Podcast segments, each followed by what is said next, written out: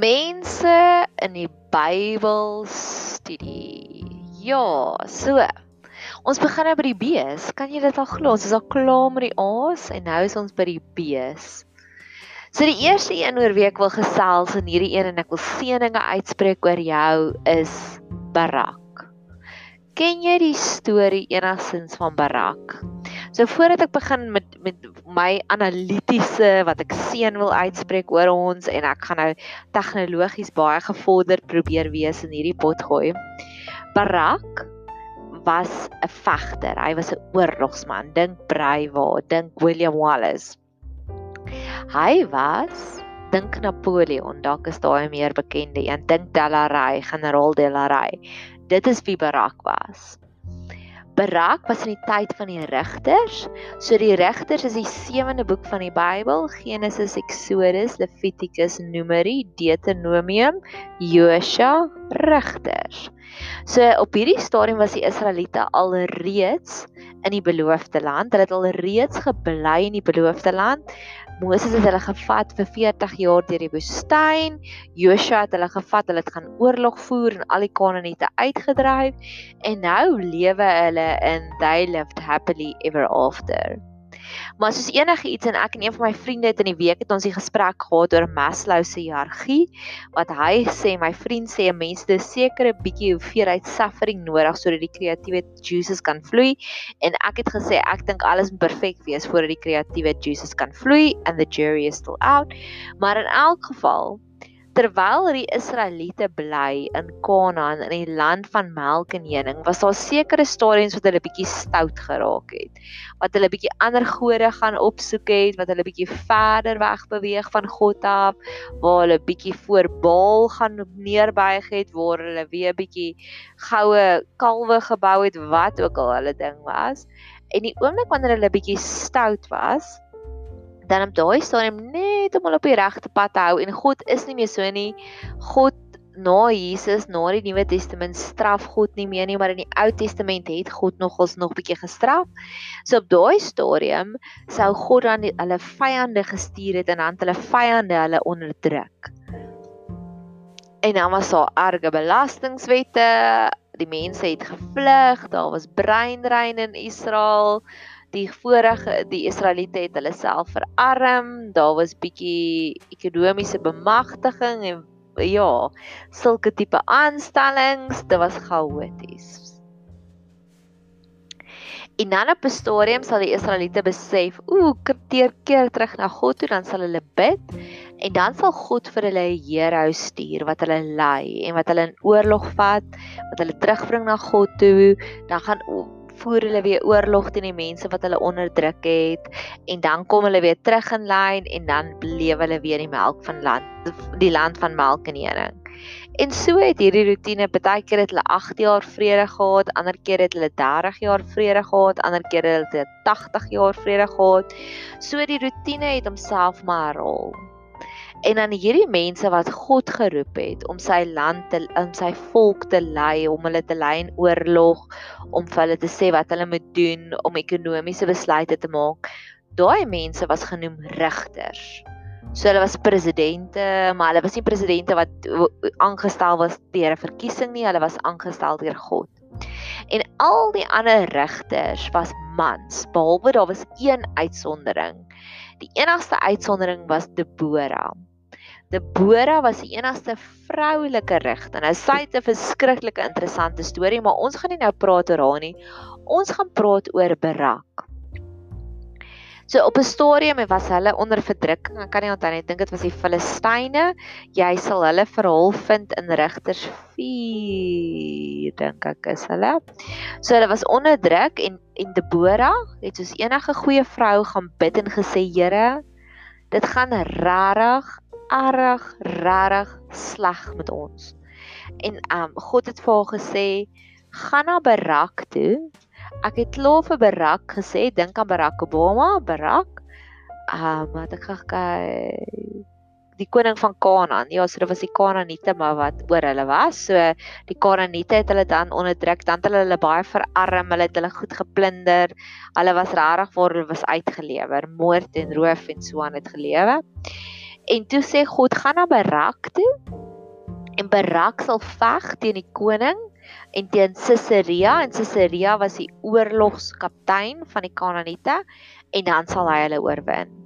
So en dis nou waar ons storie begin en dis wat ek nou graag wil bespreek. Ek wil dit graag vir ons bid.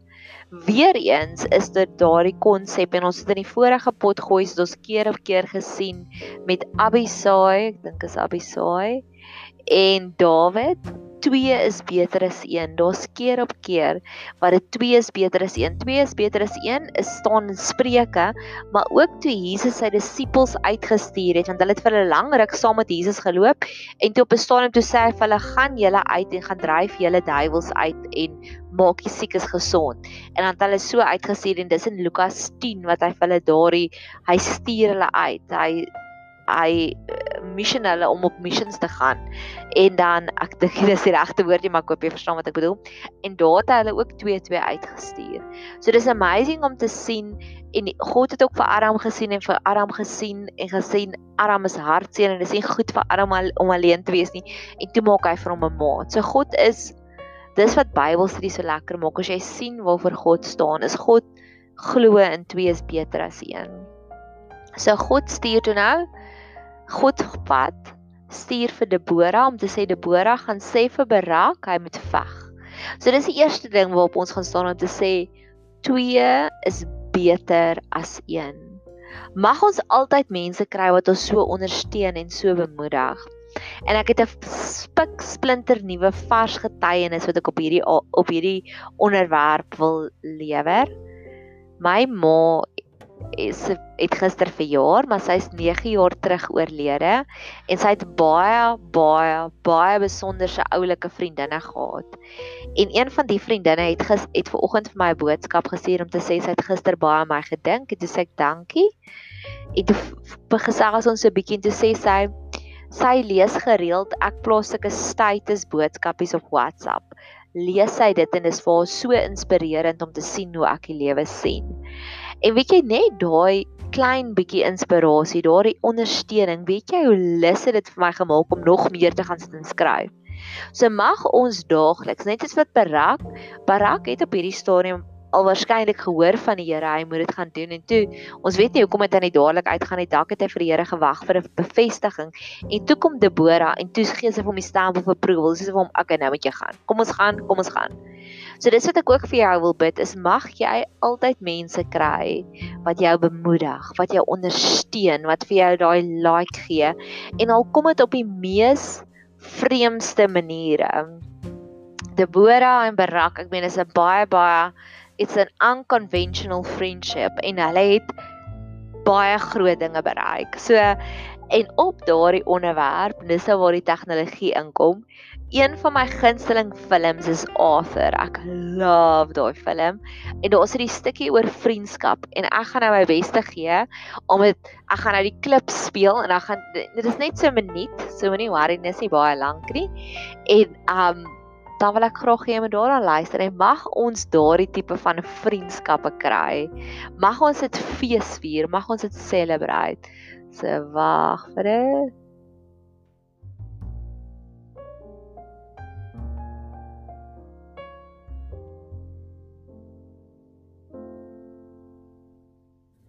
Asai.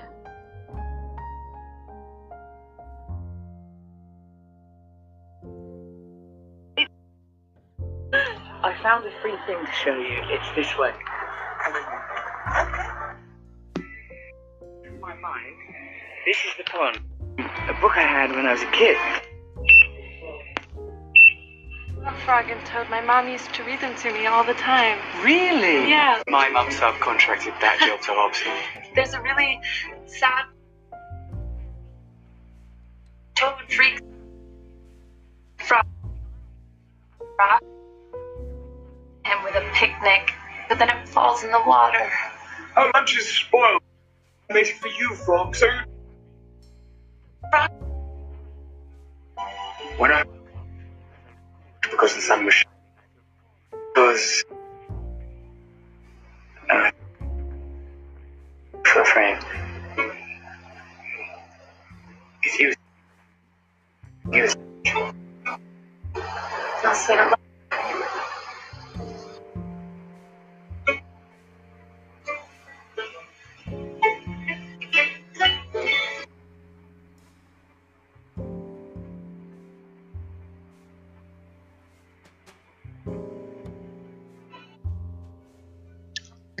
ja. Daai is net maar die mooiste toneel van vriendskap ten al Sirlone doen. En mag ons werklik waar, daar's 'n liedjie van Andriet wat sy 'n liedjie geskryf het vir Beyer Streeter, die persoon wat Beyer Kloof wyn maak en wat hy wat in die liedjie sê hy mag ons leer om bemoeienis te maak met vriendskappe. En dis die eerste ding wat ek kan uitlig van Barag, Barak en Deborah. Hulle het hierdie onwaarskynlike vriendskap en hulle bereik eh, groot dinge. Hulle verower die wêreld soos Pinky and the Brain. Today we're going to take over the world. Dit is wat hierdie twee vriende gedoen het. Barak en um en Deborah. Die volgende een wat ek wel vir jou wil sê van hulle is daar's dan gaan hulle uit op oorlog en hulle oorwin en ons gaan nou daaroor gesels, maar ek wil eers bietjie stil staan daaroor waagmoed. Iemand het vir my vertel in 'n samurai boek was daar hierdie boek wat hulle geskryf wat hulle hierdie quote gebruik het om te sê gee vir my die dapperheid van 'n lover.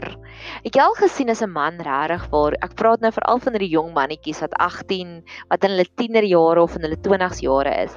Niks keer hulle nie. Hulle sal so hoog skiet vir hierdie mooi girl. As hulle smoor verlief is, niks kan hulle keer nie. Niks maak hulle bang nie. En dan die samurais, daai antieke oorlogsvoerders, Japaneese oorlogsvoerders, het geglo hulle hulle dit as 'n blessing uitgespreek oor mekaar voordat hulle in oorlog ingegaan het.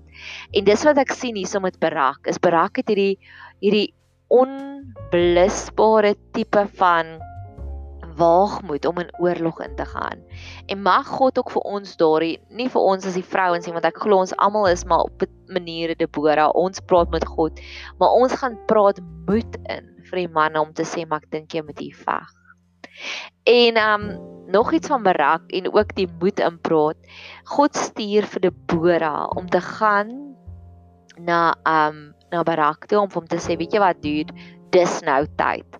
En dit laat my dink aan daardie toneel in Lion King waar Nala na Simba toe kom en dan sê sy vir hom Simba jy moet terugkom, jy moet kom veg. En dis waarvoor ek nou bid is Here, stuur vir ons meer Deboras wat moed kan gaan inpraat vir die manne. Stuur vir ons meer Nalas na die Simbas toe om te gaan moed inpraat vir die manne om te sê ek glo jy kan iets daarmee doen. En asof die Here nog nie amazing genoeg is in hierdie hele in hierdie hele storie nie. Fast forward gaga ou ek wil gaga eers hier by stil staan. Ek wil die getalle vir jou vinnig genoem, nê. Ek het dit hier in notaatjie gemaak. Die getalle het so gelyk en ek wil ek wil weer eens daarby stil staan is God is altyd altyd altyd aan die kant van die buiter buiteperd, die underdog. En ek het al 3 sulke notas gemaak. Ek het vir myself 'n doelwit opgestel, daar's so 150 mense wat ek wil opswat. Ek wil 15 elke dag. So hierdie is nou nommer 16. Ek het gister 15 en hierdie is nou die eerste een wat ek nou doen vir vandag. En dit ek al klaar so 'n notaatjie gemaak van hoe God elke keer aan die kant is van die underdog. Elke keer dan dan kom by die sterk weermag by die swak Israeliete en hulle broekies bewe en dan kom God en dan wen hulle, nê? Nee? Koning Adia was die eerste een, dit klink soos Nadia, waaroor ons gepraat het in die vorige potgoeis en hy dubbel die ander weermag, sy vyande was dubbel soveel soos dit hulle was. En hy het gewen deur om bo op die berg te gaan staan en te verklaar dat God is wen. God is God is aan hulle kant en hulle gaan wen. Die tweede keer wat ons nou bespreek het, um koning Asa, koning Asa was ook heeltemal outnumbered. Daar was 300 000 van hulle en 'n miljoen van die ander. So hulle was 1 tot 3, nê? Nee? Hierdie enetjie met Barak was daar 10000 manne van Israel, maar ongeveer as jy die sommetjie maak, 22000 soldate plus 900 strydwaans. Nou 900 strydwaans is soos vandag se tanks, nê? Nee? So jy kan vir jouself dink, nê, nee? as jy net 'n klomp voedseldaadjies met 'n klomp met 'n klomp swaarde is en hier kom army tanks. Hallo, wie gaan wen? Verstaan, een army tank kan omtrent 100 van hulle doodmaak, net sonder dat hulle eers naby is. En flight fly die stories uit fast forward draai wie het gewen? Die 10000 voedseldaadjies. Ek het nou-nou weer dat ek hierdie conspiracy theory van iemand gekry wat sê um die COVID virus gaan alles net oor vaccinations en dis hierdie mense en dit is dit is dit is um bevolkings wat hulle bevolkingskontrole wil doen en hulle wil hê en weer eens het ek net gedink Here, U is slimmer, ek gee vir U al die eer. Ek wil nie eers betrokke raak met hierdie conspiracy theories nie. Ek weet dit is altyd aan die kant aan die kant van die van die underdog en dis waarvoor ons nou bid. En ek wil aangaan vir juis met die Barak en die Deborah storie. God love it to add insult to the injury nie net wen die Israeliete nie. Die Israeliete wat 10000 mannetjies het met met um swaarde versus 900 army tanks. Hulle wen. Die die mense met die swaarde wen. En weet jy hoe wen hulle? Adding insult to the injury. God stuur 'n vrou. As jy verder gaan lees, Jael, dis 'n vrou. Die vrou maak die ou dood. Maak die hoofkaptein, die myn konyn, maak sy toe nou dood. 'n Random gewone vrou, dit was sy was nie 'n Israelitiese vrou nie, 'n ander vrou kom en slaan 'n ding in die ou se kop in en so gaan sy dood. Imagine yourself, verbeel jouself dat jy is in oorlog, jy hierdie piep klein nasietjie. Kom ons sê Lesotho is in oorlog met um Amerika, nê? Nee? En nie net wen Lesotho nie, maar dan kom daar 'n vrou van Swaziland af en sy maak die die leier van Amerika heeltemal dood. Ek meen dit is is far fetch, nê? Nee? Dit dit is wat gebeur het. God is altyd aan die kant van die underdog. En hy doen dit nie kleinlik nie. Hy doen dit amazing. Deborah gaan aan en sy skryf vir die loflied en sy sing daar selfs die sterre het vir ons geveg. Hoe wow is dit? Dis is hy sê hulle wen nie. Hulle het so op God vertrou, selfs die sterre het vir hulle gevang. En daar's mense wat sê daar was 'n meteoriet storting en dis hoekom hulle gewen het. Wat ook al dit is, maar elke keer nou het jy opgetel gedurende hierdie grendelgreep hoe baie reën kry ons. En dis April. Ons is nie veronderstel om meer reën te kry. Elke keer is soos yes Here, asseblief laat dit wees dat die dat die hemelruim veg vir ons en dat die hemelruim al die virus weg reën vir ons. Mag ons ook sulke dinge raak sien. En die laaste punte wat ek wil sê van die o, oh, hierdie is my mooi. Rigters 4 vers 9 sê sy sy want toe sê sy vir vir Barak jy moet gaan en Barak sê ek gaan nie alleen gaan nie en sy sê goed ek sal saam met jou gaan maar ek wil net vir jou sê I will go with you on this journey en dan sê sy okay wel eer gaan nie joune wees net gaan my en jou net saam wees nê. Maar hoe amazing is dit nê? Kan jy jouself net verbeel nê? Hierso staan jy nou jy's te Bora en jy sien so daar op die horison ontelbaar want ek dink nie 'n mens kan 900 getel net so vinnig nie. Ontelbaar baie tanks army tanks en jy sien al die groot kanonne wat hulle het en die groot ammunisie wat hulle het. En jy kyk so regs van jou en jy sien sulke flimsy mannetjies met sulke swaardjies en hulle gaan nou wen. Hulle is baie minder as wat die ontelbare baie chariots is, baie strydwaans is, baie army wagte, 'n uh, weermagte is. En jy kan daardie mindshift maak om te sê, "Yes, Barak, kom ek en jy gaan op ons sal saam gaan op hierdie road trip." Want dis wat 'n journey is mag ons ook leer om geen nie om wat voor ons omstandighede te is nie, so avontuurlustig te wees om te sê, "Yes, dis net 'n journey, dis 'n road trip." Hoe amazing is dit? So dis my verhaal van Barak en Deborah en ek wil gaan kyk hoe lyk ons tyd. Ek dink ek gaan hom hierse afsluit en dan sal ek die volgende een nou maak. Ek hoop jy het 'n super geseënde dag hê.